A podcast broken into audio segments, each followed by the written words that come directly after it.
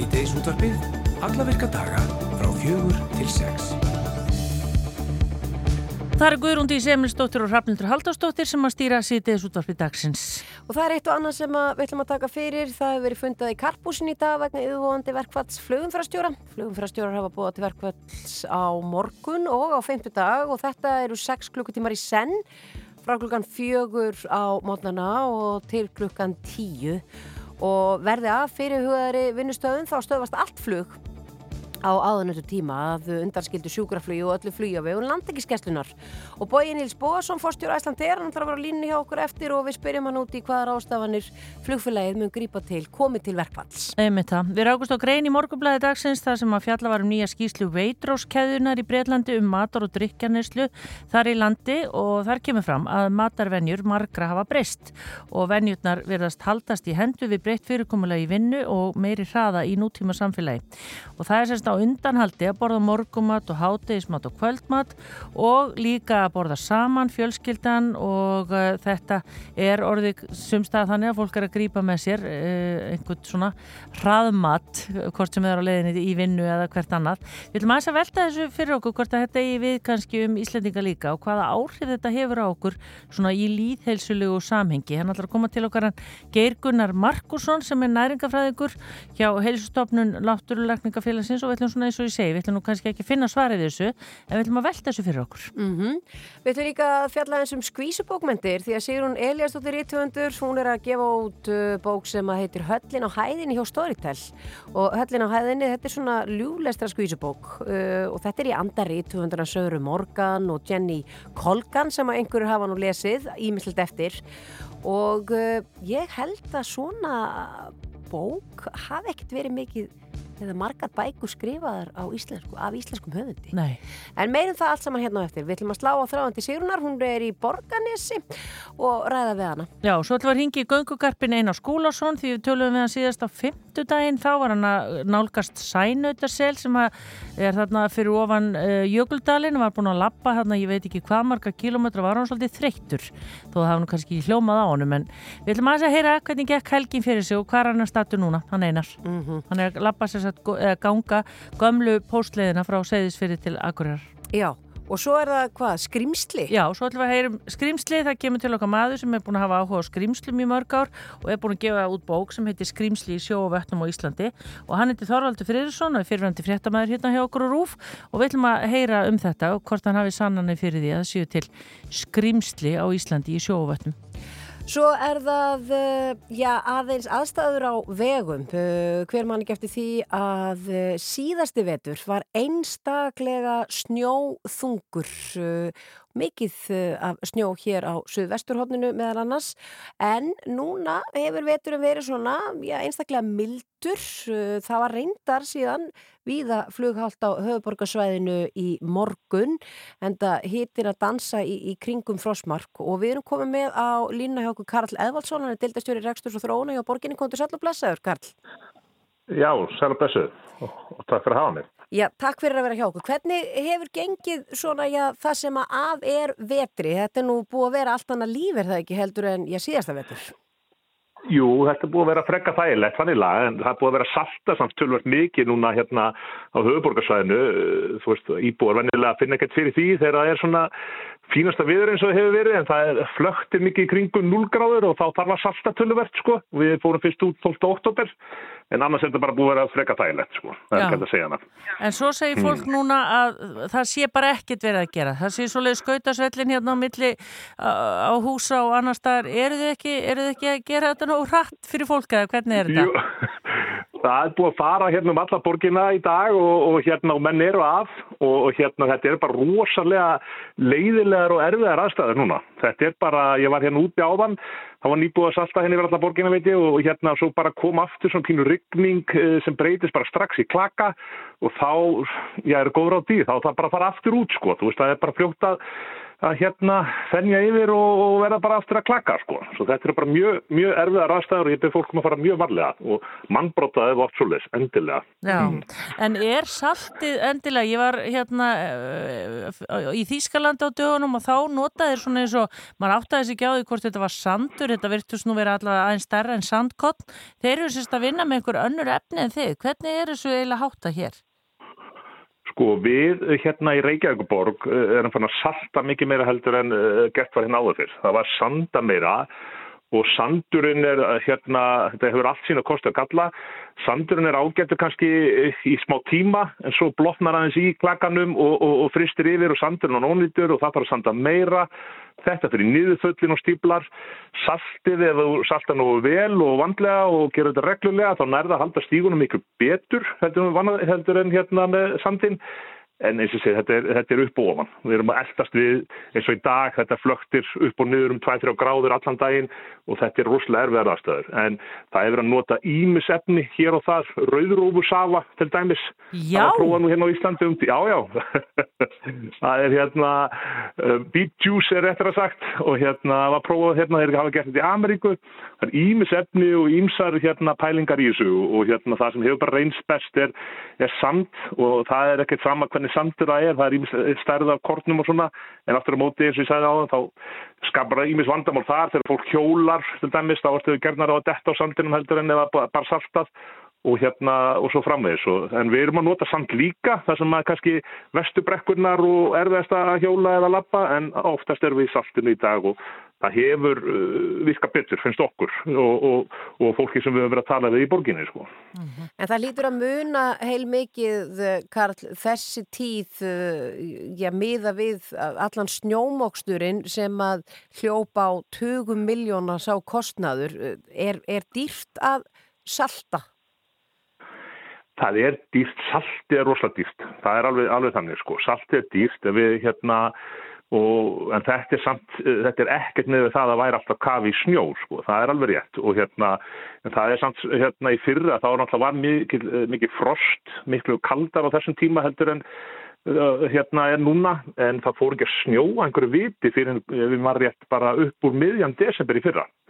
Og, og það með látum sko. Og hérna Við höfum alveg sloppið með það hinga til og við vonum að við sleppum nú við svolítið við hérna fram meður árum út allavega en, en það má segja kannski eins og stormurinn sem við erum að spá núna í vikunni að, að, að þetta er svona svipaða tími sem að stormurinn komið fyrra en það var bara snjór þá en, en það er spá úrkomu núna og hitta og hérna ef það myndi snúast við þá væri alltaf kafi snjó hérna eftir nokkru dagar sko.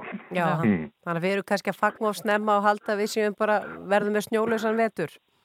Já, ég held það. Ég, ég, Ég er ekkert vissum að vera rauð jól sko en, en við sjáum hvernig, hvernig það fer sko. Já, hmm. Þannig að skil, skilabúðin til vegfærenda það er náttúrulega ef þú átt mannbrota bara vertu í þeim ef þú ætlar að fara út að ganga. Já, í dag allavega rosalega skrítnar aðstæður og, og hérna endilega nota mannbrota ef þú getur sko. Já, hmm. og fara varlega. Og, og fara varlega. Og eigum við að ráleggja börnum að leggja reyð hjólum við þessar aðstæður? Algjörlega, algjörlega. Það er bara, þó að sé, ég veit, hérna, út um allt, Reykjavík og Kópavói og út um allt að það er verið að salta og vinna á fullu, en fólk hefur bara ekki undan og hérna í þessum breyttum aðstæðum hérna. Svo ég held að sé bara best á svona dögum að fólk fari bara sem minnst gangandi og lappandi nema þessu með algjörlega réttan búna, sko. Mm -hmm. Karl hmm. Eðvaldsson, deildastjóri í Reksturs og Þróunar hjá borginni, takk fyrir að vera á línni hjá okkur og gangi ykkur áfram verið að salta. Já, takk fyrir, takk, takk.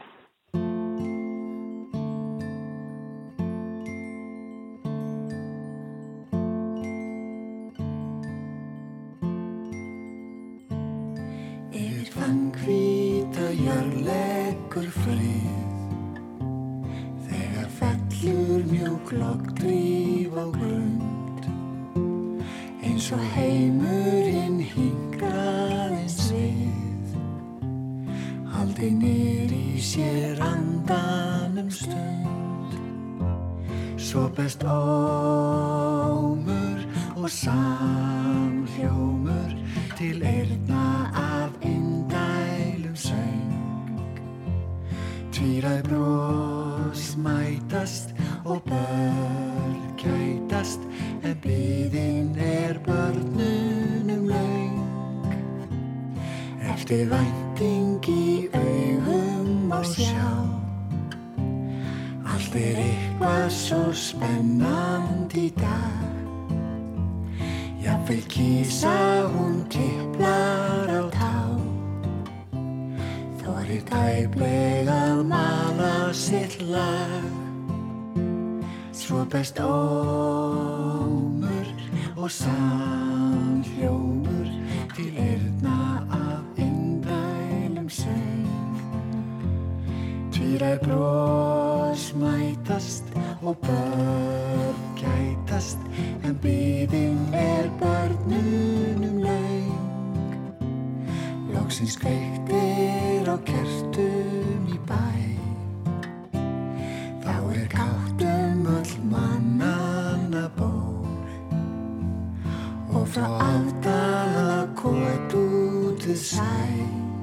Og mar hverjan um gleðileg jól. Svo best ómur og samhljómur til erna af indælum söng. Tvíra brós mætast og börn kætast en byðin er börnunum laung Lóksins kveiktir á kertum í bæ. Þá er káttum all mannana ból og frá afdala kót út við sæ. Ómar kveðjan um gleðileg jól Ómar kveðjan um gleðileg jól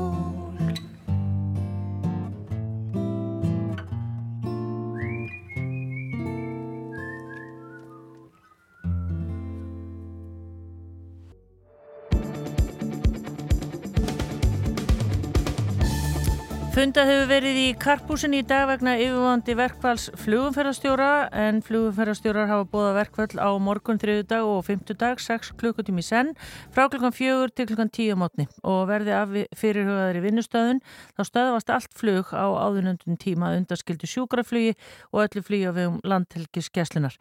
Bói Nils Bóarsson, fórstjóra Æslandir, hann er á línunni hjá okkur, kontur sæl og blessaði Bói? Já, komið sæl.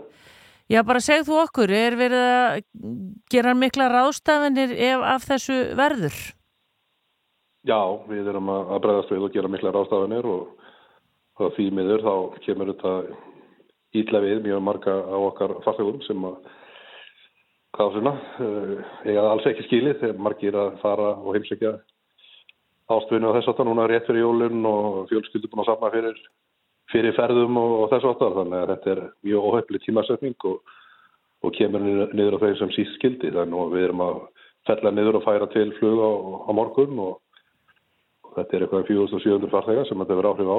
Og síðan er 50 dagurinn eða þá starri. Og við vonumst eftir því að, að það verður komin lending allavega á 50 og helst á morgun. En hérna eins og maður lesi í spilun og fyrir frettum þá er fólkið við samlingabóða ekkert volað pjassið fyrir morgundagin allavega En vonandi verður þetta komið höfð fyrir fymtaðin en ég, ég veit ekki alveg um hvað það verður að ræða. Nei, en bara hver er staða fólk sem á til dæmis bókað á morgun? Ég menna, er, er maður í þeirri stöðu að maður getur fært flugið til? Við gerum allt sem ekki, við náttúrulega sendum út núna í gæri að með minnir eða í morgun, ég man ekki hvort það var hérna að bjóða fólki að fara fyrir sem er að fara morgun og síðan eru við að, að, að breyðast við saminaflug og og líka við líka hérna, eiga við þessa víja farþeg okkur sem er að bljúa hérna yfir hafið í kemum Ísland og færa þá með inn á önnur flugflug, bara fara yfir hafið með öðrum flugflugum en okkur þannig að okkar starfsfólk er bara að gera allt til þess að þetta hafi sem minnst, minnst áhrif á okkar farþeg og viðskiptavinni en, en þetta er sjálfsögðu samt óþægindi. Þú talaður um það að þetta var eitthvað 4700 farþegar sem þetta væri að hafa áhrif á hjá ykkur og þetta er frá klukkan fjögur að nóttu til tíu að mótni þegar flestar, flestar brottfarir Já. eru hjá ykkur og komur, ekki satt? Jú, þetta eru ykkur 28 flug sem að þetta verður áhrif á hjá okkur, flug, flug sem áttu að fara þá í kvöld eh, frá Norður Ameriku til Íslands, við þurfum að senka þeim og síðan er Európulflugin á morgun út úr Íslandi og við hefum þurft að aflýsa sex flugum og hérna og, uh, og senka og færa til önnur og erum í sambandi náttúrulega bara við okkar farþeg og viðskiptavinni og, og leið og einhverja breytingar ekkert stað þá fá okkar viðskiptavinnir og farþegar skilaboð um það þannig að þeir þurfu ekki að hafa samband heldur verður haft samband við þá. Já, er þið búin að reikna ykkur eitthvað til hvaða, ég menna það hlýtur að falla einhver kostnaður til að mynda bara á ykkar flugfélag vegna þessa, hversu mikill sá kostnaður er? Það er alltaf talsverðu kostnaður sem fellur á, á flugfélag þegar svona gerist og ekki síst núna á þessum tíma, þetta er náttúrulega háana tími rétt fyrir jólinn og, og svo eins og ég nefndi á það, þetta er bara greiðilega óþægindi fyrir okkar vískiptafinni sem er eiga þetta alls ekki skilið og gera ekkert ráð fyrir þessu þegar þeir voru að skipulegja sína ferðir svona rétt fyrir jólinn en, en við munum að sjálfsögðu skoða bara hvaða hérna hvort að uh, við getum fengið eitthvað bætt frá þjónustæðalum okkar sem er þá Ísafi en mm. hérna hvort sem einhver grundulli fyrir slíku þannig að hérna en það er að sjálfsögðu kostnaði sem að þetta hefur för með sér. Já. Uh, Þannig að þú ætla bara að leifa þér bögi og öruglega fleiri að vera bjart sín að minnst okkosti fyrir 50 daginn Ég er alltaf björnsvitn og trúi því alltaf að skynnseminn ráði í svona. Við fylgjumst áfram með og sjáum hvað setur. En fólk sem, að, sem að er á, að fara eða er á leiðin eitthvað það fær upplýsingar, það er ekki dendilega þannig að maður þurfa að vera að hingja sjálfur. Nei, við hérna leggjum okkur okkar fólk fram við það að, að koma þessum upplýsingum að framfæra leið og eiga sér staðbreytingar í okkur að, að þessum eiga bóka að fá þá upplýsingar um það. Já, einmitt það. Vonaða besta, Bói Níls Bóðarsson, fórstur Æslandir. Takk fyrir spjallið, bless, bless. Takk fyrir að bless.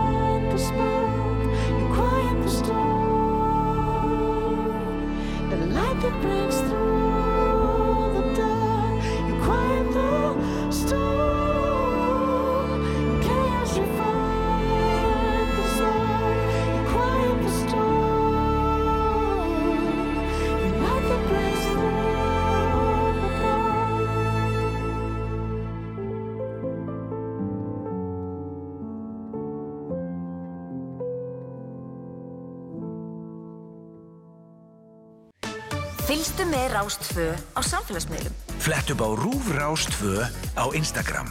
Rástfö. Fyrst og fremst.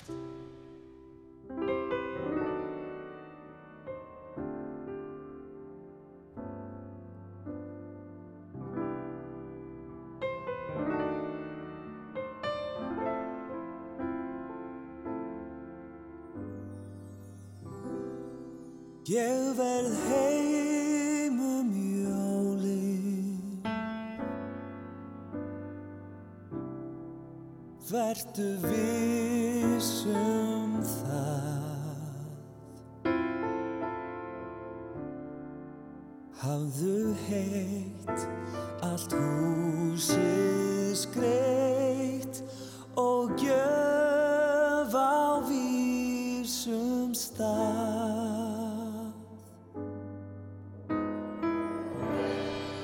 Fjari byggðu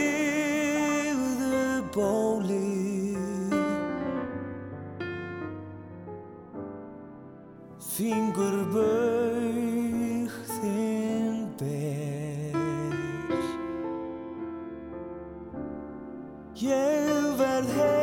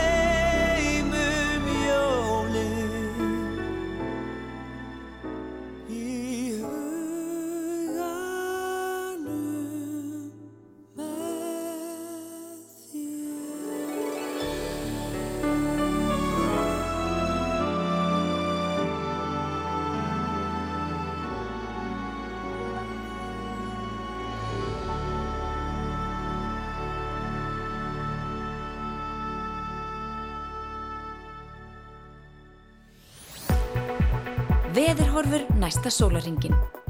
Já, þannig heyrðum við í Friðriki Ómari, hann var einmitt að syngja fyrir norðan uh, í Hofi á samt fríðu föruneyti og það var kallt fyrir norðan um helgina. Uh, hitti fólk sem fór þarna áttu leið norður í ammæli og það var bara held ég á mælinum á sunnudagsmotninum 17 stiða frost.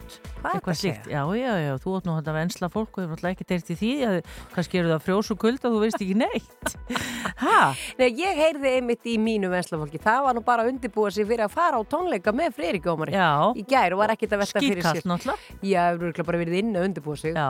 Já, já. En svona er þetta, það er uh, spáin er svoljóðandi vestan og norðvestan 3-8 metra á sekundu skíðamestu daldi jél eða slittu jél og engum norðan til en létt skíða suðaustan og austanlands og frosti 0-7 stig sumstaða frostlust við sjóin. Svo breytist það söðlega á 3-8 morgun þurft og bjart veður og frosti 2-10 stig og svo gengur hann í sunnan 8-13 á vestanfennulandinu síðdeis á morgun þriðudag og þyknar upp með svolítið snjókomu en slittaði rigning þá um kvöldi og hlínar og það er eiginlega búist til slagveðri svona, já, frá með þriðudags eftirmiðdegi þá allt í hennu snúast tölurnar yfir í rauðartölur og ef ég kíki hérna á landi þá er bara allstaðar á landinu rauðartölur á miðugudag og bara talsverð úrkoma. Þannig að þetta, er, þetta kallast á veðufræðingamáli umhleypingar Gunnadís, Já. sjá hvað maður á að sildur í þessu. Umhleypingar, ekkert á til að mynda miðugudaginn hér á, á þessu landsvæði. nei. Það er, það er náttúrulega kannski eina góða hálkan fer, já, hálkarenda fer. já en hérna, en svona er þetta bara. Við erum náttúrulega bara öll að krossa putta um hvít jól, annars komumst við ekki í jólaskapið, Já, er ekki þannig? það eru margir þannig. Ég, ég hef ekkert á móti rauðum, en það eru margir hrifnir að hvítu. Já, en talandum uh, kulda, við ætlum að heyra í einari skúlasinni sem er semst að ganga gömlu postleðina frá Seyðisferði til uh, Akureyrar og spurning hvort hún hafi verið skýtkalt um helgina. Það hlýtur eiginlega að vera.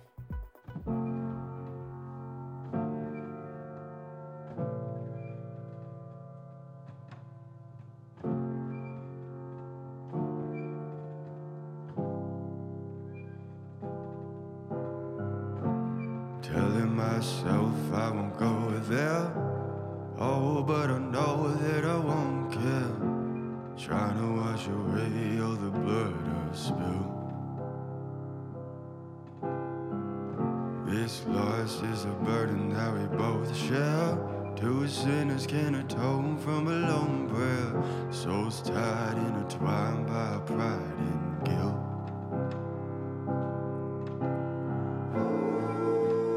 Darkness in the distance from the way that I've been living, but I know I can't resist it. Oh, I love it and I hate it at the same time. You and I drink the poison from the same vine. Oh, I love it and I hate it at the same time. Hiding all of our sins from the daylight, from the daylight, running the daylight, from the daylight, running from the daylight. Oh, I love it and I hate it at the same time. Telling myself it's the last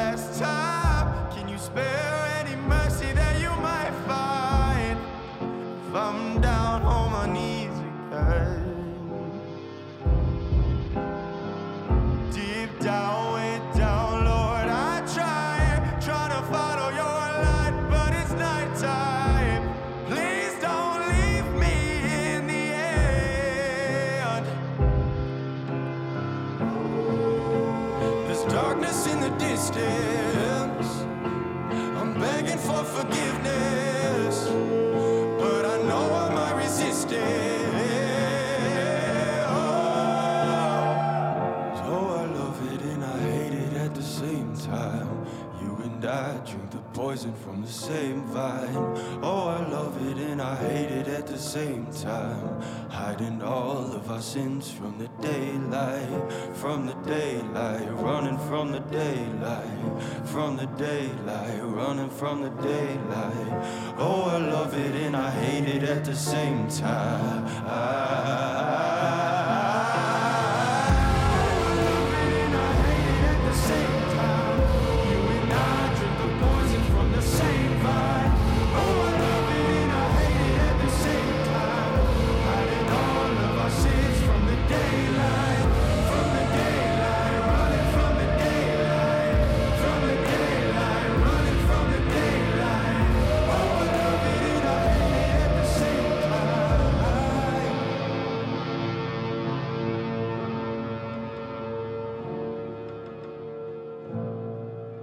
Þetta er Daylight, uh, David uh, Kushner sem að uh, flytur hér en við erum komið með góða mann hérna á línna í okkur. Já, talandum Daylight, þá er maður sem að við þekkjum og hlustendur síðdeis út af sinns sem er að valdi sér þann tíma að ganga í svartasta skamdeginu og enga smá leið, hann er að ganga frá Seyðisfyrir til Akureyra, þetta er sérst gömul postleið og hann heitir Einar Skúlason og hann er í símanum. Kontur sætla blessaður Einar?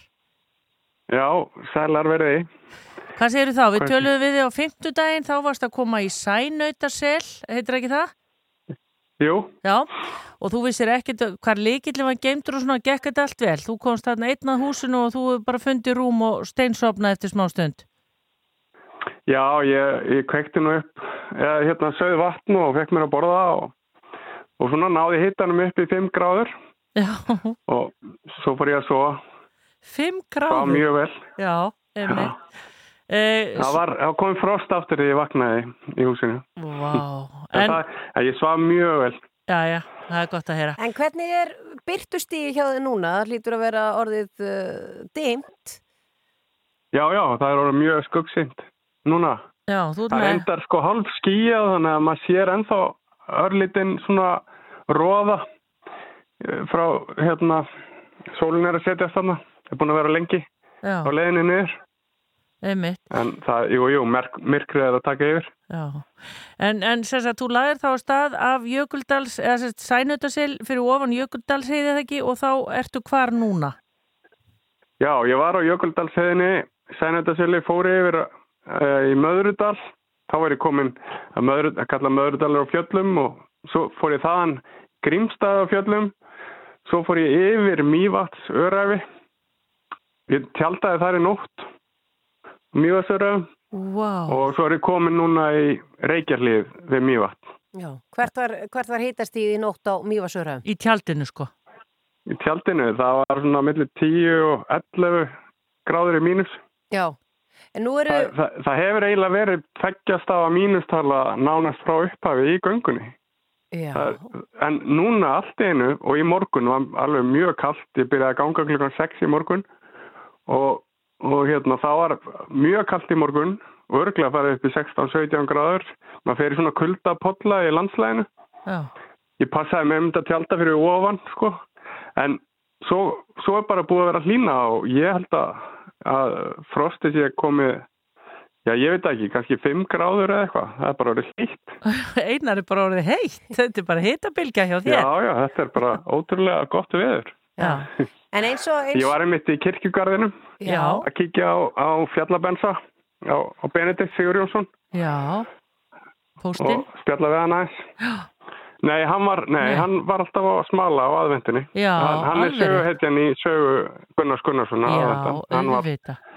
þetta er allt byggt á raunverulegum atbyrðum. Þannig að hann kvílir í kirkjugarðinum hérna við Mývatn í Reykjalið.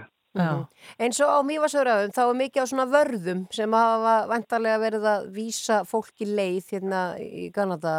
Er þetta að lappa eftir Já. þeim? Já, en ykkur að segja sko, þá er ég farin að þreytast. Ég komin núna í 200, rúmlega 200 kilometra og liðinir og hnén svona aðeins var að, þetta er aðeins bara að kvarta þannig ég fór svolítið upp á veginn af því að það voru svona, það voru svolítið lausa snjór þarna og mjög að störu mhm, svona erfitt til lengdar að, ganga í þessu Já. þannig að, hérna ég fór að því að mjög lengi þá liggja vörðunar bara samsíða veginn þá fer maður bara upp á veg já, þannig að það var gaman að það voru margi bílar sem að hérna að veifa að og, og svo leiðs já. En, en segð okkur að ég er svo spennt að heyra sko þegar þú varst að byrja að tjalda í þessum kulda þarna, hvað, þú veist, gastu verið með vettli, ég þetta ekki fyrir mig hvernig þetta bara er hægt.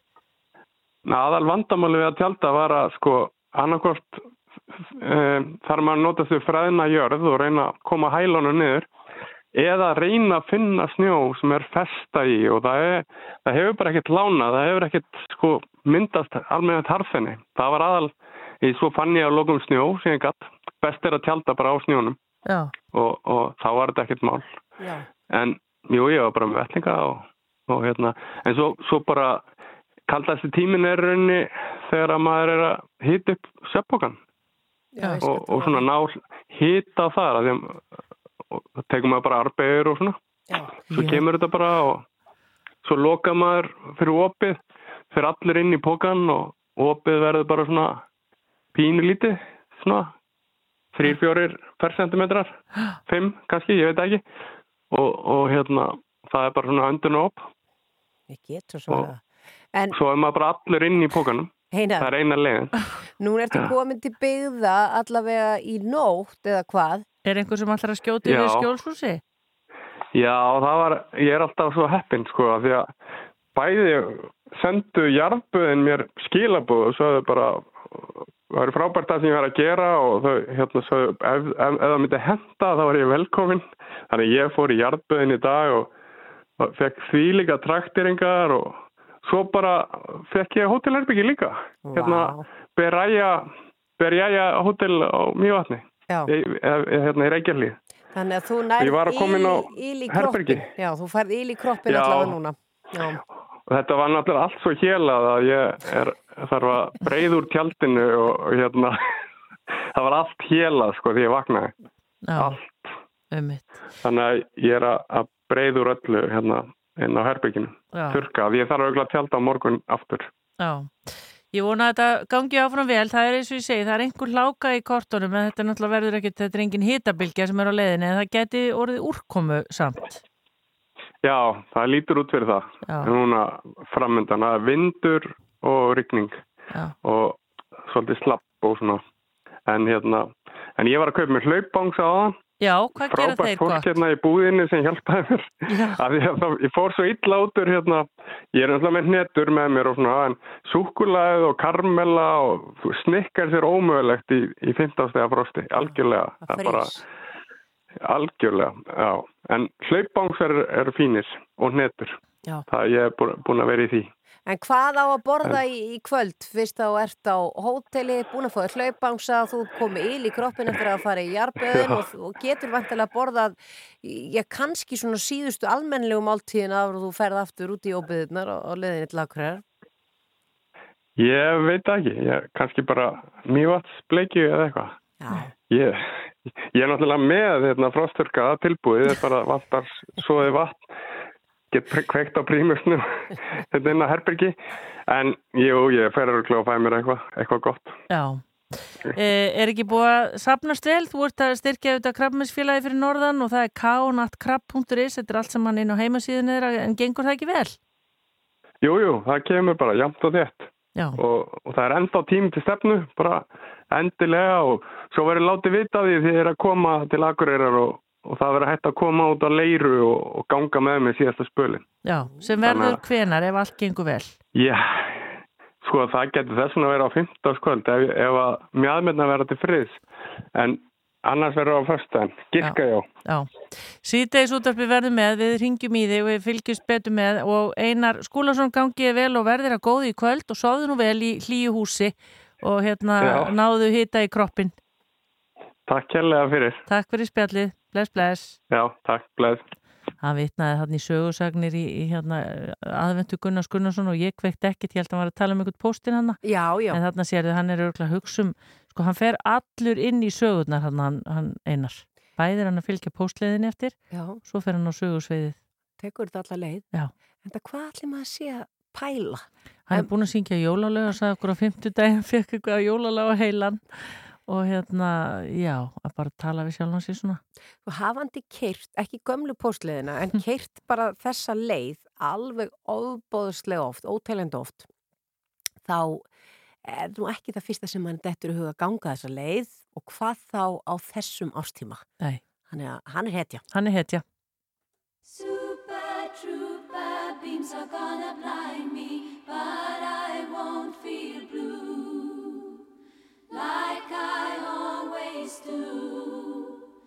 somewhere in the crowd there's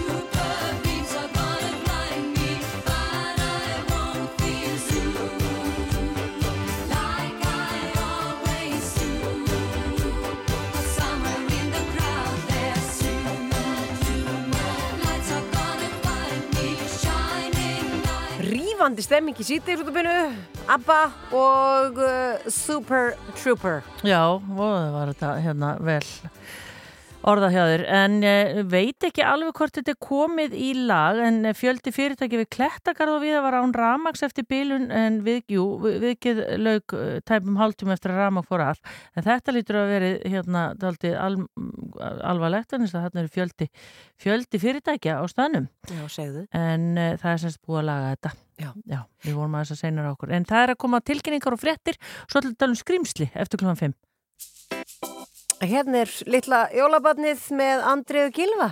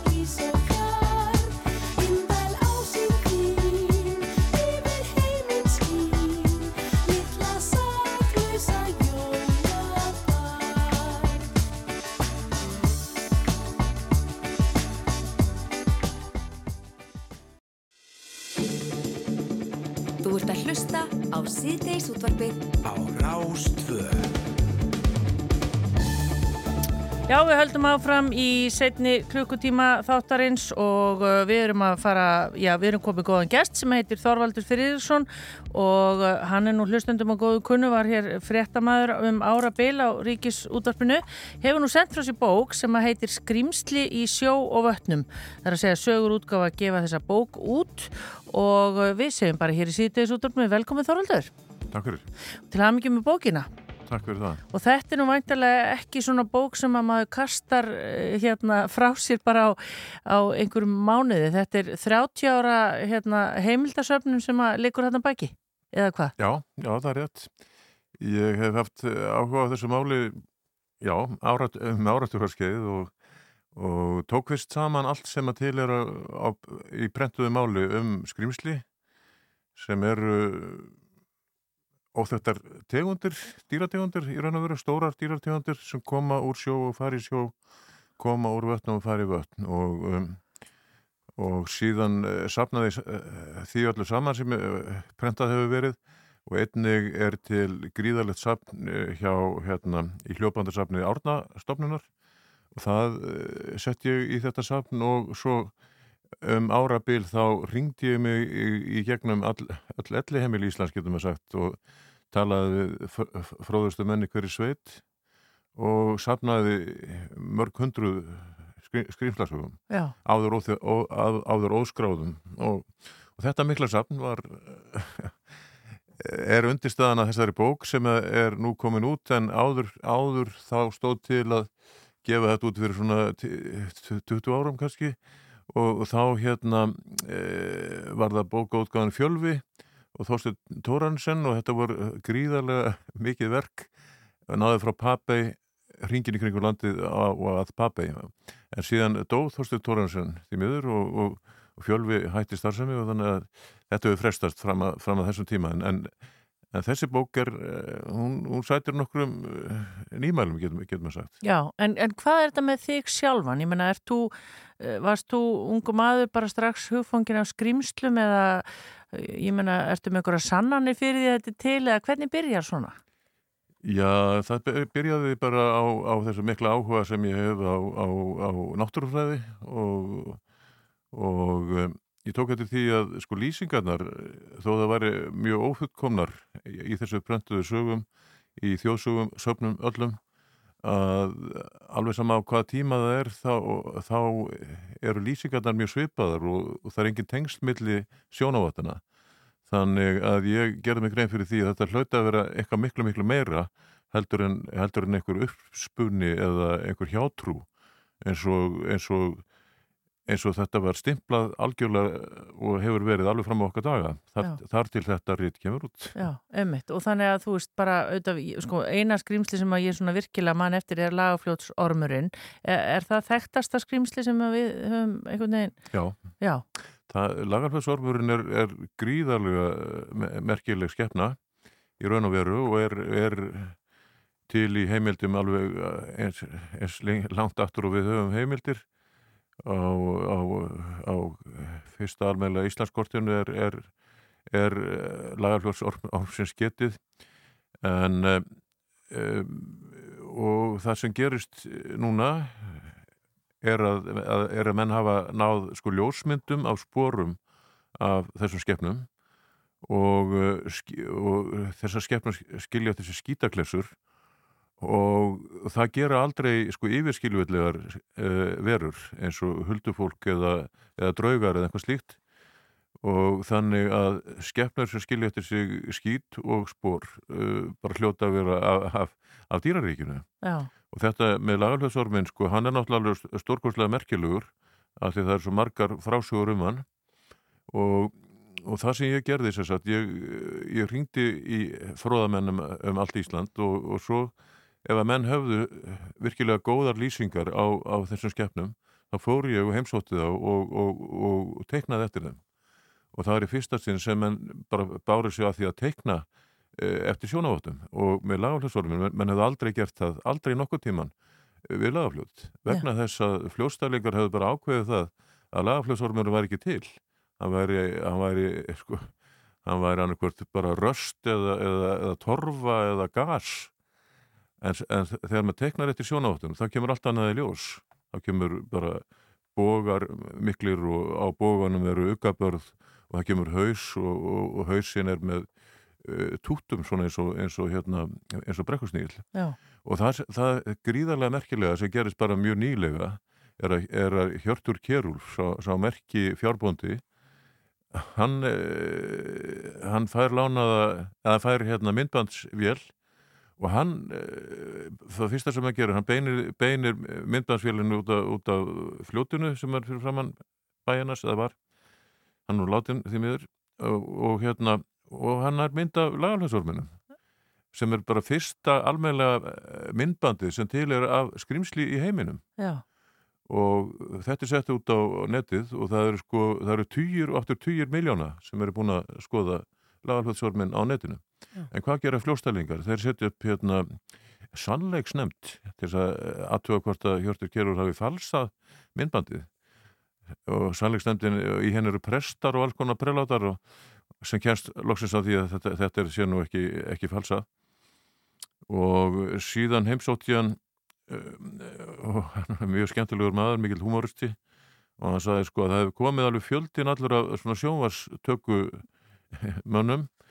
Og mennar hann var komið hérna já, þrjár bandariskar sjónvarstöðar og eina þeirra var CNN og já og hérna og þeir, þeir voru margir saman sko og, og, og þeir höfðu með sér tvo rannsóknar lögreglumenn frá FBI og, og þeir skrúiði sundur myndavæluna hjá mér og, og, og bara leituðu dýrum og dyngjum að einhverju sem þau getur sínt fram á að ég hefði falsað þetta en, en ég var bara og svo var ég settur í yfirherslu ég var í þryggja gráðu yfirherslu bara heilan dag hjá þeim Já.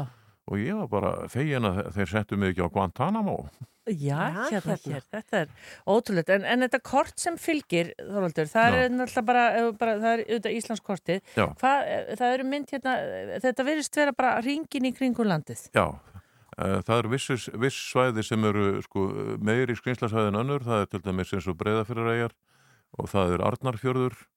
Og ef við tölum um vatnarskrynsli þá er það, þá er það hestvatn Já. í Grímsnesi og, og, og Hvítá, það sem að renna frá hjá, hjá Skálholti og, og, og, og fer svo í, í vingil Já. kringum hestfjall, gríðarlega margar sögur frá þess- þessum slóðum. Og, og ég sem sagt hef alveg teiknað eftir, eftir, eftir sjónaváttum og þá ke- kom í ljós sko sex bara dýrategundir Já, úr sjó og svo aftur, aftur þrjár í vötnum. Já, og uh, til dæmis í breyðafyrði þá, þá, þá er na- nánast öllum eigum breyðafyrðar sem voru byggð eru, eru já, og sem var mjög merkilegar og, og, og svo náttúrulega Arnarfjörður þar sem að artfyrðingar eru gríðarlega miklu framsýtni heldur en, heldur en hljóstælingar því að artfyrðingar hafa, hafa reist þarna sko, skrimslasettur og, og það, er, það er mjög vinsalt samt í dag. Já, og, og, og tegundundar í Arnarfyrði eru náttúrulega gríðarlega flottar sko, skrimslið þar. Já, En þetta er í sko, þetta eru skrýmsli í, í sjó og vötnum. Uh, Er þetta, er við, er þetta einstakt að, að það séu svona margar skrýmslasögur eins og hér á landi? Hefur, hefur skoðað þetta annarstaðar? Já, ég hef nú svona uh, aðeins y- yfirlit yfir það og sko fram að okkar, okkar dögum nánast hafa, hafa skrimslin verið, verið hundsuð sko af náttúrufræðingum. Uh, einstaka náttúrufræðingar hafa verið mjög sko víðsýnir og bara uh, hafi rannsókn á því sem að, sem að til er af heimildum eitt þeirra er, er Hufulmanns nokkur, Belgi og hann skoðaði öll skjöl sem til eru frá bandariska flotánum og þeim breska. Og á stríðstímum þá ertu með sko þúsundir manna útkikki eftir kapátum og, og mjög mikið af, af upplýsingum um skrimsli mhm, eða semst óþefttar dýrategundir.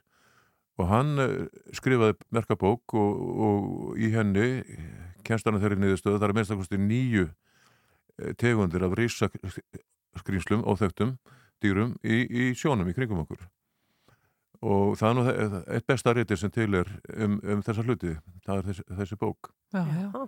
En hérna, er þetta svona, þú veist, eru til einhverjar ræðilega sögur, eitthvað sem hefur gerst og eh, bara fyrir svona þá allra hörðustu að, að heyra?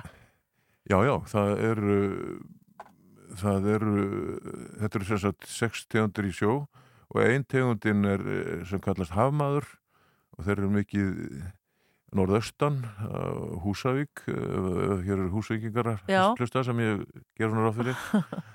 Að það eru mjög magnaðar sögur þaðan frá Kalbak sko að, þekktir menn að þekktur maður sko lendi þar í hafmanni og það er ekkert grín að lendi í hafmanni að nættur þeirli þar sem menn ganga, ganga með frá sjó. Já.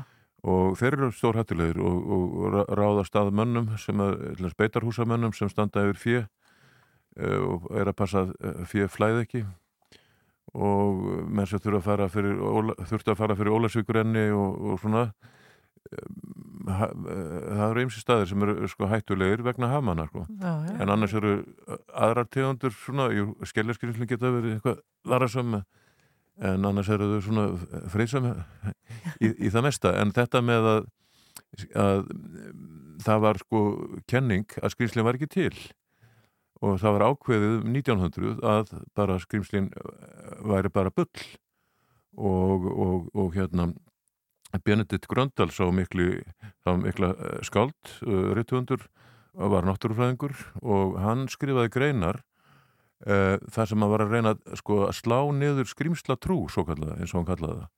Hann taldi að skrýmsla trú hamlaði framförum á Íslandi og skrifaði um þetta og, og hann hjælti fram að, að þeir menn sem þættust sjá skrýmsli væri annarkvört heimskir eða ómentaðir og þetta hafði mikil áhrif á, á svo kallar skrýmslatrú vegna þess að það var gert grínað því fólki sem sá þetta að þetta á ekki að vera til. Mhm. og menn voru ekki með neina sannanir í höndunum. Og en síðan gerist það líka að þarna 1874 þá sjá smalar í kvalfyrði e, lítið skrýmsli fjörulalla e, við, við Katanestjörn.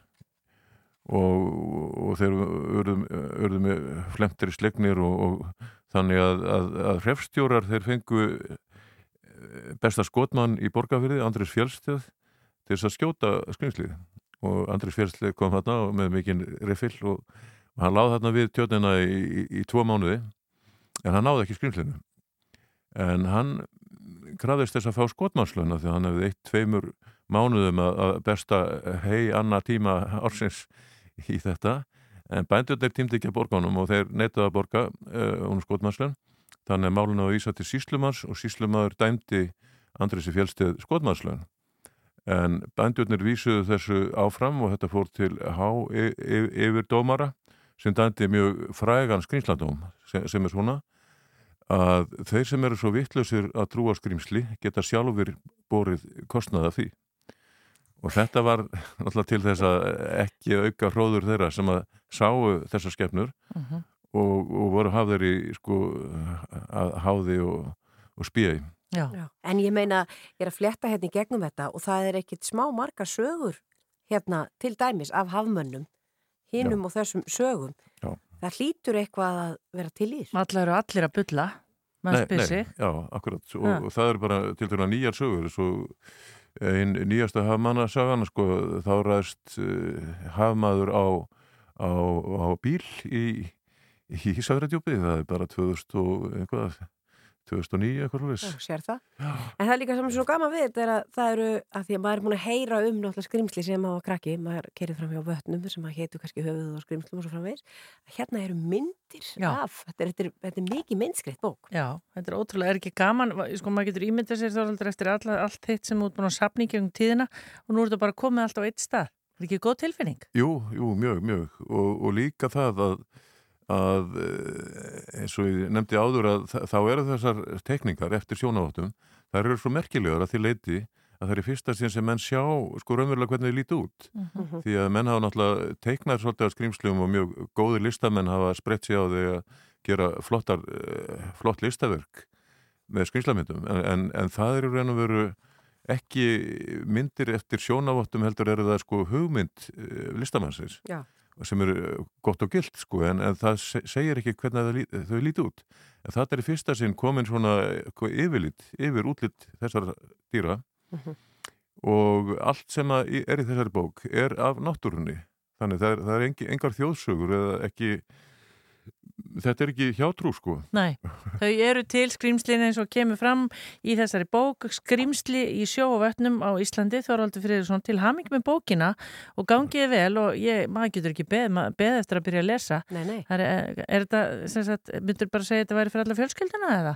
Já, já, og, og, og sko, börn, börn og úlingar hafa sérstaklega áhuga þessu og ég hef flutt svolítið af erendum með skólum og þau eru nefnilega sko með opin huga Já. og þau eru tilbúin til að bara heyra það að þetta sé til Já, og, og hafa ekki heyrt þetta bull í, í eldri kynsluðum ef þetta sé ekki til já, það. þannig að og þau, þau munu og þeir sem vilja, ég hef sagt það þeir sem vilja sjá skrýnslin, þeir geta farið á vissan stað að Afi Gwendar Jakka hérna, dagsbrúnar leiðtóa hann var bóndi á Hjallkárseyri í Arnafjörði og hann í, í elli, elli sinni þá, þá hitti hann eh, sko mikið ungu fólki sem trúði ekki að skrimsli væri til og uh, hann, hann sagði þeim að þið sem trúið ekki á skrimsli að vilji sjá þau þá getið þið farið út á, á Hjálkars eirar hlýð í Arnafjörði í fyrst, fyrstu dimmu næturnar í águstmánuð þá koma, koma skrimslið þar upp og, og þegar krakkar heyra þetta og allir krakkar í dag eru illu helli komið með síma og í símanum er myndavill þannig að þau geta þá náð myndum af skrimslum og orðið, orðið heimsræg Já. og, og þetta er stórkostlegt ævintýri að hafa þessa möguleika Já. Takk fyrir komuna í sítiðis útafið Þorvaldur Friðriksson, skrimsli í sjó og vettnum á Íslandi til hamingjum bókina.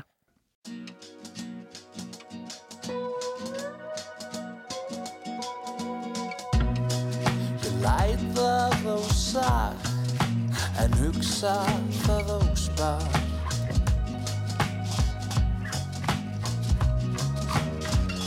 Það er ekkert persónulegt Og alls ekki illa meint.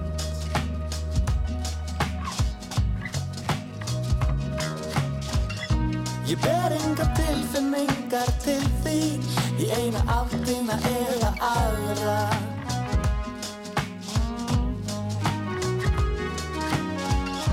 Það er engin tilkynning að skilda Úr einni áttinni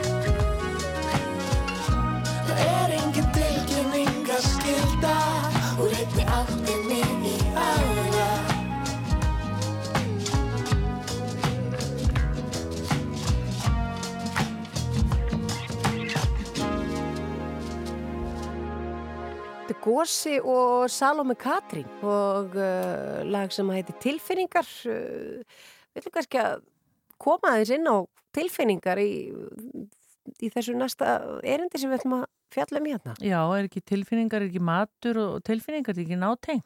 Það er allavega oft talað um það að sko sálinn sé í meldingunni. Það vilja margir meina það. Já, ummitt. En það sem byrtist hérna, eh, við rákust á eh, hérna grein eða umfjöllun í, í morgunblæðinu í dag, það sem var sagt frá nýri skýslu sem að eh, Waitrose keðjan í Breitlandi gerði um matar og drikja neyslu þar í landi og þetta er byggt á greiningu á innkaupavenjum, viðskiptavinna og vörusölu og skoðanakonun meðal 2000 fullorinn að breyta.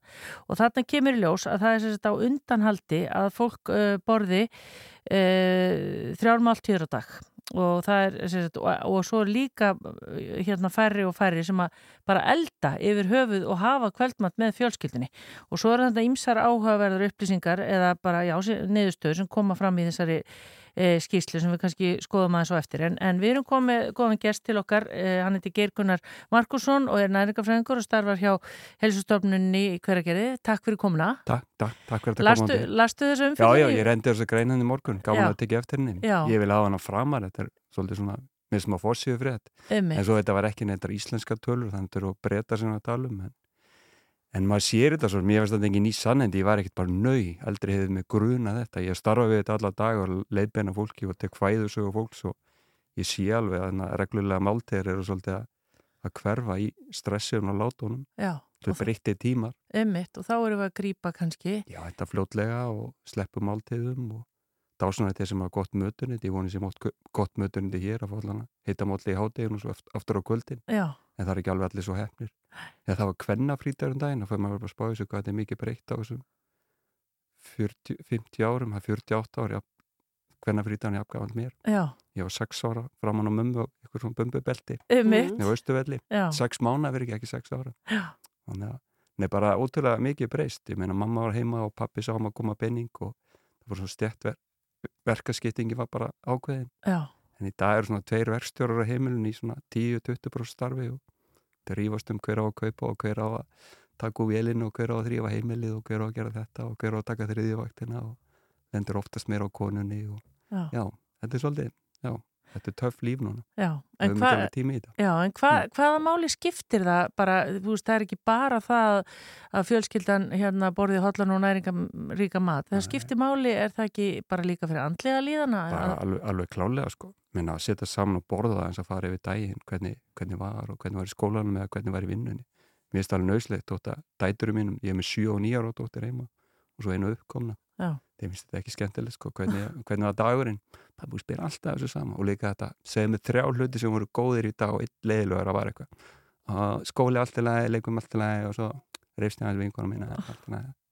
Það taka þetta svolítið þrjum upp aðeins en mér finnst þetta svona gaman að taka saman daginn og ég heldur þurfum þetta líka. Já. og maturinn verður miklu hotlar ef við erum að gera hann heima heldur en þetta sé eitthvað eitthvað kifti eða Já. og hambúrgar sem þú gerir heima er ekki skyndibiti eða förstudagspizza sem allir er að henda ykkur á pizzuna er ekki skyndibiti þetta er bara hver einn er að setja á pizzuna sem hann vill einhvern veginn og mér finnst það þetta má ekki hverfa og ég er enn að gera allt til þess að halda þessu lífandi en, en því miður ég held bara að þetta sé staðrendi við erum ykkur brjálögu samfélagi og kannski verða eitthvað svona gerfigrænda velmenni Já. eftir 20 ára verða svona gerfigrænda mamma og pappi taka á móti börnunum okkar welcome home, velkomin heim Já. hvað má bjóða þér að borða En gæti Mm. eitthvað, að því eins og þú segir, þú ert að taka á móti matardagbókum alla daga og ert Mm. að fara yfir hvað fólk er að borða og við erum náttúrulega öll að flýta okkur. Mm. Svo kom, uh, var mikið í umræðinu hérna fyrir einhverju síðan að maður ætti ekki að borða, að því að þegar við kannski erum ung, þá voru einmitt þessar þrjár máltíðir á dag Mm. og jafnvel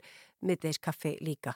En svo kom einhver bylgjaðar sem allir út að borða bara marga litla máltíðir yfir daginn. mm. Uh, er það ennþá, er það hotlara, er það verra, fórum við þá meira að nasla og fórum að sleppa úr máltíðum eða? svona upp á 18 ára aldrei myndi ráðlega öllum svona, sem er að vaksa ég meina allavega þrjára, minnstakosti þrjára máldur að börnin okkar leggjast að búið með morgum að tátegismat, kvöldmatur og svo eitt í tveir millibitar eða miklum íþróttum og svoleiðis Mm -hmm. en svona eftir 18 ára aldur og dórinn fullvaksta þá rosa margir er 16-8 sem gerir þetta enn erfiðar og fólk er líka eitthvað fasta sjálfviljugt að bara einhver doktor eða einhver engaþjálfur sagði að vættir að sleppa morgum að það verður miklu betur fyrir brennslun og vera bara fastandi og En hvað er þitt? Hvert er þitt? Ég er eiginlega ekki á þeirri línu sko.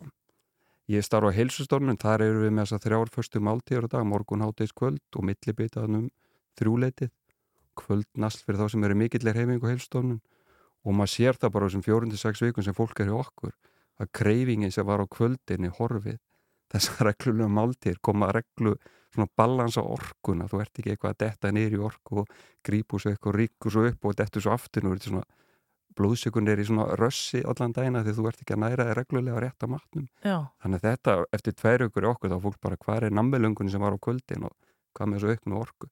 Það er ekki bara matur en líka ekki reyfing og betur svefn og verið vinn í andlefliðinni. En þetta spila alveg klárt inn í og ég bara, mér sorglega að við séum að fara á þann stað að þetta sé að fara og, og það hjálpar ekki til þessi kúravæðing með föstur eða annað. Nei. Talandi um kúravæðinguna, Mm. nú eru, já, það er annað hver fullorinn á einhverjum kúr eða fasta eða gera eitthvað svoleiðis. Mhm.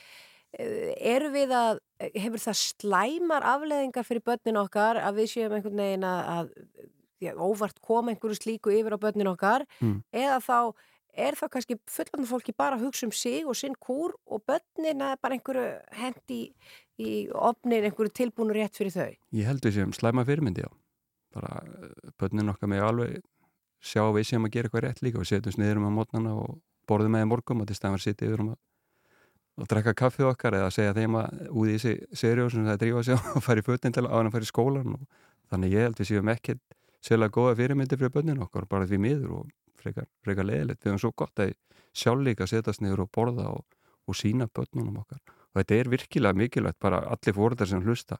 Fæði börnin ykkar á mótnana á mat. Þau eru í skólanum allan daginn í frístund eða alls konar tómstundum. Þau þurfa góð orku, þau eru að vaksa alveg gigantist þannig að ekki að leipa börnunum án þess að fara út í daginn á þess að fá sér nokkuð og, og þau geti alveg verið fyrirmynd líka. Já, það kemur fram að það líka í þessari rannsókn að eh, já, það hefur svona verið kannski aðeins hart í ári í Breitlandi og fólk Mhm. hefur minna melli handana Mm. og þá sé verið að kaupa eitthvað sem er ekki eins holt og gott, Já. stærri pakningar og einhver meiri fjöldaframræsla og svona. Er þetta svona Þetta er alveg, alveg staðrænt sko, ég meina, félagslega vandamál eru meiri ja.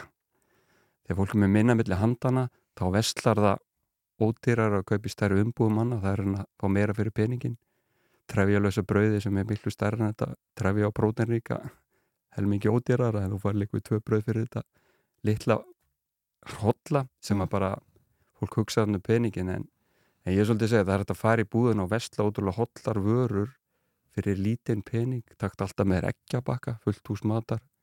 Uh, hvað er nefnilega mjólkin er alltaf, stendur alltaf verið sínu. Uh, farðu og kíktu hérna í græmmetið og ávöxtin, oft er það sem er komið á síðasta sölu, þá getur nýstali mjög vel búið til brauð eða, eða súpur eða eitthvað úr því og bara, bara samdægus þannig að þú getur alveg veslað ódýrt líka þótt að það sé þarf að hafa eins meira fyrir því en það þarf að setja um hugsun í. Þannig að bara félagsleg vandamál og peningaleg vandamál eru líka þá maður sér að tala um Breitland sérstaklega það er svona það er meiri óhaldlega hvað meiri lífstilsúkdjáman af þeim sem hafa minna milli handana Já. þannig að offita er herri flokki á þeim sem minna milli handana Einmitt, þannig að við, við getum alveg eins og segir uh, vandað okkur þannig að við þurfum ekki að kaupa hérna verri mat þó við höfum Nei, aðeins minna milli nei. handana, við getum vandað okkur og haft, þetta hefur líka með tíma að gera við Já, höfum tíma alveg- í búðinni alveg klálega, sko, og elda. Já. en mér er svolítið merkið þetta þeir eru að gera þess að könnun matvæla salarnir þetta matarkeðja, þetta er ekki líðhelsustofnun eða landlæknir eins og hérna, þeir eru að tekka og þeir eru þeir eru að gera þess að búð og reyka fólki þeir eru að taka þess að könnun til að halda vita þá hvað á að vera í, í bóði Já. og þeir sjá að sakk, snakki selst vel eins og kemur fram þannig að flest er að grípa snakk klukkan þrjú og, og keksi selst líka vel þannig að þá hljóta er að auka svolítið aðgengja því þannig að mér finnst það ekki Nei, þeir hljóta alltaf að reyka búðina vel og erum fullt af fólki og skila hagnaði já, um þetta er ekki líthelsustöð sem er að reyna að skila okkur hotlari Nei, að þetta eru markaðsöflin að Já. gera þessa könnun Já. til að vita hvað er að þurfa að eiga nóg af. Já, nákvæmlega. Að því síðustu vika kollegi minn Steinar B. Albjörnsson, næringafræðingur, að skrifa að hann var ákall til matvæla framlenda því þeir þetta hjálpa okkur að, að berjast á móti þessu lífstílsjúkdómum. nákvæmlega, hann var að minna sko líka bara stilla vörunum þannig Já, að það sé ekki já. bara einmitt Þannig að, að, en nú líka bara fer ég svolítið að, ég ætla aldrei að taka upp hanska fyrir mat, bú, búðareigund, en, en maður skilur svolítið þeirra, við erum svolítið sólkin í þetta. Við, það er við sem tökum svo valið, en auðvitað skiptir máli hvernig framsetningin er og svoleiðis.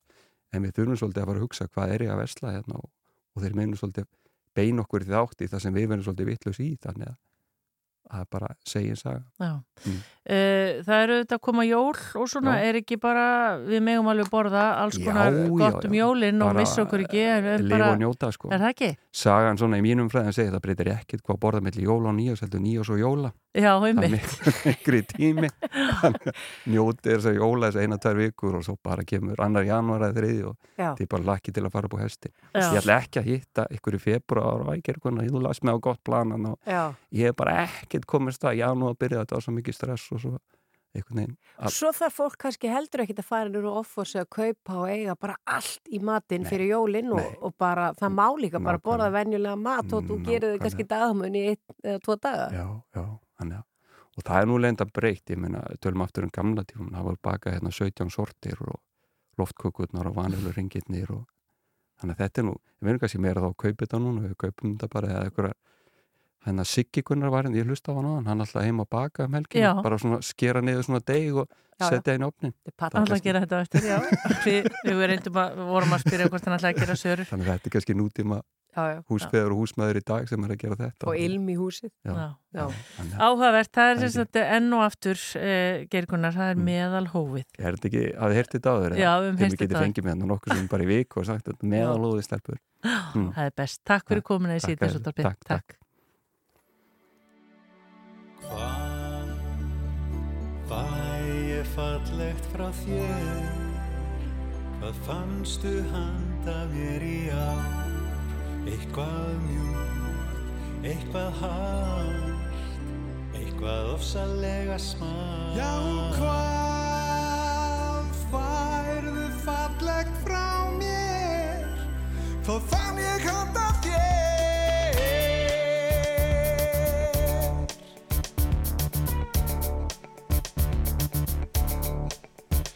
Það er komið jólafrí og ég jólastuði er að farast úr. En ekki missa þig í því að ég þekki þig, þú verður bara svo Skýt með kærleika og frið, skýt með frelsaran og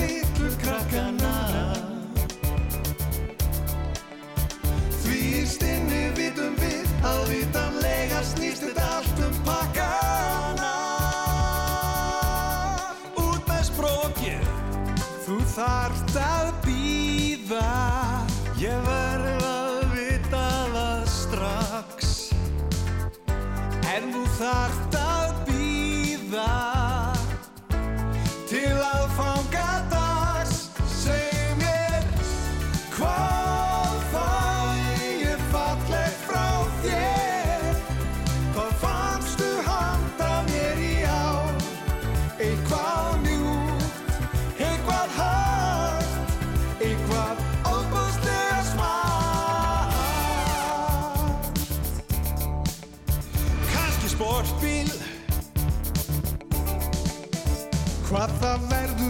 verður veit ein eitt Vandi er um slíkt að spá. Æ, má ég bara opna einn Get ég í það minnst að kíkt á þá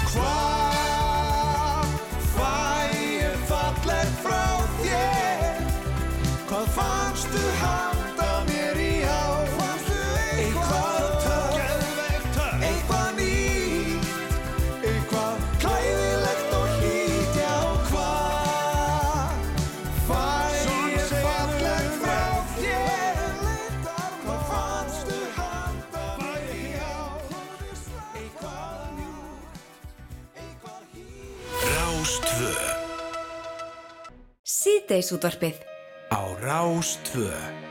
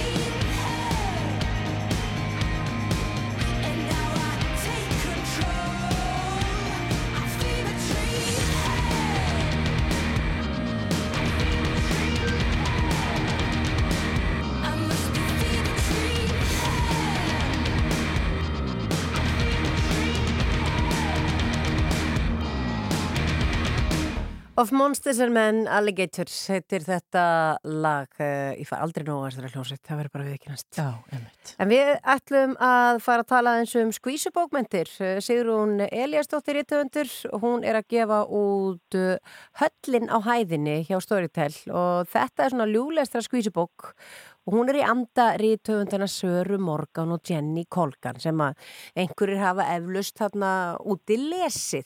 Og við erum komin í sambandi með hennar Sigrúnu, kom til sæl og blessu Sigrún. Sælvertu Ég segð þú okkur, það er nú ekki algengt að það komi út svona íslensk skvísubók. Nei, það var vitt bara skortur á því og þess vegna hálfpartin var ég beðin um að gera þetta sko. Já. Nú verði ég að Já, spyrja, er sko, ég, ég var beðin um að spyrja sko í alvörunni, hvað er skvísubók? Ég veit ekki, bók sem skvísur lesa, ég veit ekki, eða skrifa. Nei. Ég hef ekki, þetta er, þetta er ekkert gott íslenskt orðið yfir þetta til held ég. Sko. Nei, en þetta er ákveðin Ég myndi ekki, Já, ég myndi ekki kalla þetta samt beint skvísubók. Ég finnst þess að skvísubók sem meira svona eitthvað einhleipar konur og þrítúsaldri, Ok, eitthvað svona Bridget Jones eitthvað. já, en, en þessar. En þessar eins og rítuðundarnir Sara Morgan og Jenny Colgan er að skrifa, hvernig myndur þú skilgreina þeirra bókmæntir? Sko, ég, ég skal alveg viðkjanna, ég hef rosa lítið hlusta. ég hef rosa lítið lesið, ég, svona, ég veit nokkur daginn hvernig, hvernig það virka, sko, en ég hef ekki hámaður allar í mig, sko. Nei. En ég veit ekki, þetta er meira svona, kannski romantík, svona, hvað kallaður þetta, ljúflestra sem er svona svo fílgút. Þetta er svona eins og að horfa á eitthvað sem þetta er pínlítið þess að horfa á Barnaby fyrir það sem að hafa þú veist, þú, þú veist nokkur neginn hvernig þetta fer, Mhm. hvernig þetta er sett upp Mhm. Og það kemur þér ekkert rosalega mikið óvart en það er þess vegna sem þú horfir á þetta Já. eða hlustar á þetta. Þetta, getur þetta verið eins og svona bækurnar sem að maður, ég hef oft kallað svona pastellitaða bækur sem eru svona alltaf gott Já. að lesa og það eru Já. þægilegar aflestrar og, og eins og þú segir, það er svona einhver ákveðin, ef þú veist að það er svona ákveðin uppbygging í þeim, þannig að það kemur kannski ekki á óvart en þótt að sögúþráðurinn geti jú verið og hann geti komið á óvart. Já, já, já, já, það getur verið svona, svona innan vissara marka en það er ekkit rosalega dark eins og maður segir, það er ekkit rosalega svona uh, mjög svona hræðilegi hlutir sem gerast það, það er ekki, kannski er ekki mikið ofbeldi, það er ekki það er ekki svona sem að þér finnst mjög óþægilegt Mm -hmm. og, og svona yfirleitt endar þetta svona á góðu nótunum sko. Það, svona, það er svona hvít í hjartað eins og, eins og einhver segir sko. En segðu okkur aðeins frá þinni bók, Hva, um hvað fjallar hún? Já, hún fjallar sem sagt um svona einhverja konu í svona hálfgjörði miðaldra krísu sem að er leið á, á sínu stánaða lífi, er að síðasta barni þeirra heimann og fær tækifæri til þess að flytja á vestfyrði á, í lítið þorp og að gera þar upp hús. Það er svona, já, frekar svona kannski dæmi gert, svona breytum um umhverfi hugmynd, sko. Já. Og hvað svo? Hún fara að kynna sig í fólki og þú veist, svo rekst hún bara á alls konar fólk og, og hún er einhleip þú veist, þannig að það reykast þarna inn einhverjir mögulegi menn og svona. Nú, nú, nú, nú. Já, já, en þú veist, hún er svona svolítið svona hún er pílundi byggð á mér, hún er svona svolítið bitur og reyð típa og vil helst gera bara allt einn en já, hérna en þú veist, það er með henni sem sagt vinkonuna sem er svona svolítið landstæðan svona sem á í rauninni húsi, sko, hún erði þetta hús Já. og í, í framhaldinu þess að það, ég er búin að lofa þess að tveimur öðrum þetta, bókum, þetta er, er þríleikur Já. og, og þá svona koma fyrir aðra personur líka inn Já. sem, sagt svona, sem muni taka meira pláss En þetta er samt eitthvað þá sem að fólk ætti að geta tengt við og ég tala nú ekki um einhverjar konur svona sem að eru miðaldra og, og, og Eru reiðar og bitrar. Já, langar, langar að rífa sig upp og, og breytum umhverfi. Já, af því að veist, það vantar en sko, það hefur, eh, þetta er bara tilbúið þorp, þetta er ekki eh, þetta er ekki þorp sem þú finnur á landakorti, landakorti sko. Eh, bara eitthvað sem er bjóð til en hefur alveg skýrskotun, ég hef búið á vestfjörðum Mhm. og hérna uh, ég veit svona aðeins hvernig það er að koma inn í svona samfélag og það er margt sem að er pínu skríti þó að ég bjúi bjúi, þó að ég búi út í sveit sko í litlu samfélagi þá er þetta ennþá það er ennþá minna Mm. og ennþá nánara sko þannig að þetta er alveg svolítið sérstaklega það eru hlutir sem að sem að koma óvart og það eru til dæmis allir sem eru í rosalega mörgum hlutverkum veist, í veist, presturinn er líka eitthvað annað og svo er hann líka já, já. veist, sér um sundlaugina og hann er að líka, veist, þetta er svona þetta getur orðið hérna pínu flókið stundum. Já, bara eins og gengur og gerist í svona litlum samfélögum, það er alltaf þannig. Já, já. Já, og þetta kemur út á Storytel, þannig að þetta er þetta þá bara splungun í bók á Storytel, að því það er oft Já. náttúrulega kvartastundum yfir því, maður heyri sérstaklega börnina því að bókin kemur náttúrulega eðlilega ekki verið kannski ári setna en á Storytel, en þessi fer bara beint inn þangað. Já, já, hún, hún kemur ekki út á pappir. Sko. Já. Þetta er bara þeirra, þeirra hugarsmýð eða þú veist, þannig, þetta þetta er gert fyrir þau. Þannig að þe- þetta hún kopar núna í lok uh, nóvumber. Þannig að það er ekki fyrir pappirs fólkið. Nei, bullandi um hverju svæn. Já, það er enda rétt. Já, já. En, en ég veit alveg að það eru sömur sem vilja endilega fletta, en, en hérna, mér finnst þess að allir séu með í eirunum alla daga eitthvað. Mér finnst nú aðalatri að vera með hann á náttborðinu og, og, og það er náttúrulega bara stendur á henni en að vera með skvísubók á náttborðinu, það hljóma eitthvað daldið vel. Þú varst trefin að því. Já, hlýtur þá að vera að skvísa. Já, já, já, já, já. Heyrðu, bara til hamingju með þetta, höllin á hæðinni, fyrsta bókin í þessum þríleik komin inn á Storytel, Sigrún Eliasdóttir Rítuhundur, bara takk fyrir að vera á línunni hjá okkur. Já, takk bara fyrir mig.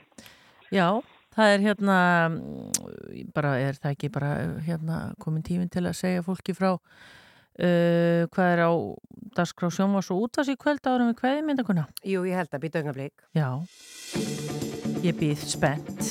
Ég varð að koma þess að. Já. Herðu, það er í sjónvarpinu í kvöld, uh, við skulum sjá, uh, dagskráin hérna, við erum búið, er lengi að gera þetta hérna.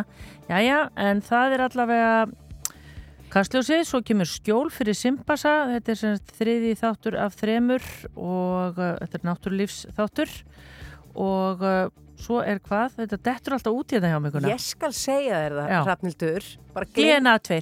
Já, en glemdu öllu þessu. Akkurru? Því að íslenska kvennalandsliðið í handbólta Já. er að mæta Kongo. Já, núna, í, Í, þessum tölu. úrslita leik, fórseta byggasins, uh, vinni þær leik sinna móti Kína á háum í kvöld. Þannig að, sko, Já, þetta já. varð ljóst eftir að Kongo vann 24-21 sigur og síli í hreinum úrslitareikum sigurinn í hinum riðli fórseta byggasins. Já, hérna, hérna. Þannig að þetta, þetta er... Þetta er það sem þú vildi segja. Þetta eru, þetta eru spennandi frétti og ég er bara hugsa um stelpunar okkar sem að ég vildi sjá fara lengra. Já. Fór ekki alveg allalega en Það í voru fórseta rosalega óhefnar, það var hérna jafntefli sem að, hérna, var ekki nóg. Já. Það er hefðið að vinna það. En við komumst ekki lengra hérna í síðdeis útvarpinu í dag, verðum og var aftur með ykkur á morgun og þá er komin þriðu dagur eh, og við bara segjum njótið dagsins og þessum eftirlifu kvölds og verðum svo aftur á morgun og við ætlum að enda þetta á Raka Bjarna og Miljónamæringunum. Já, smá jóló.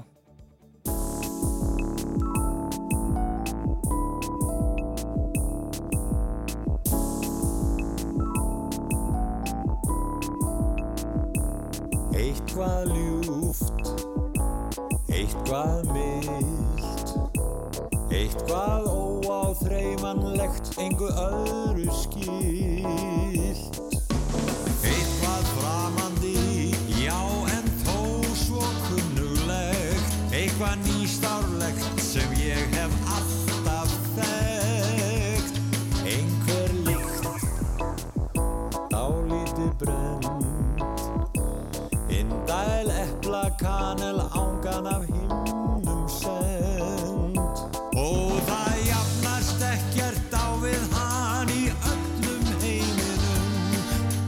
side.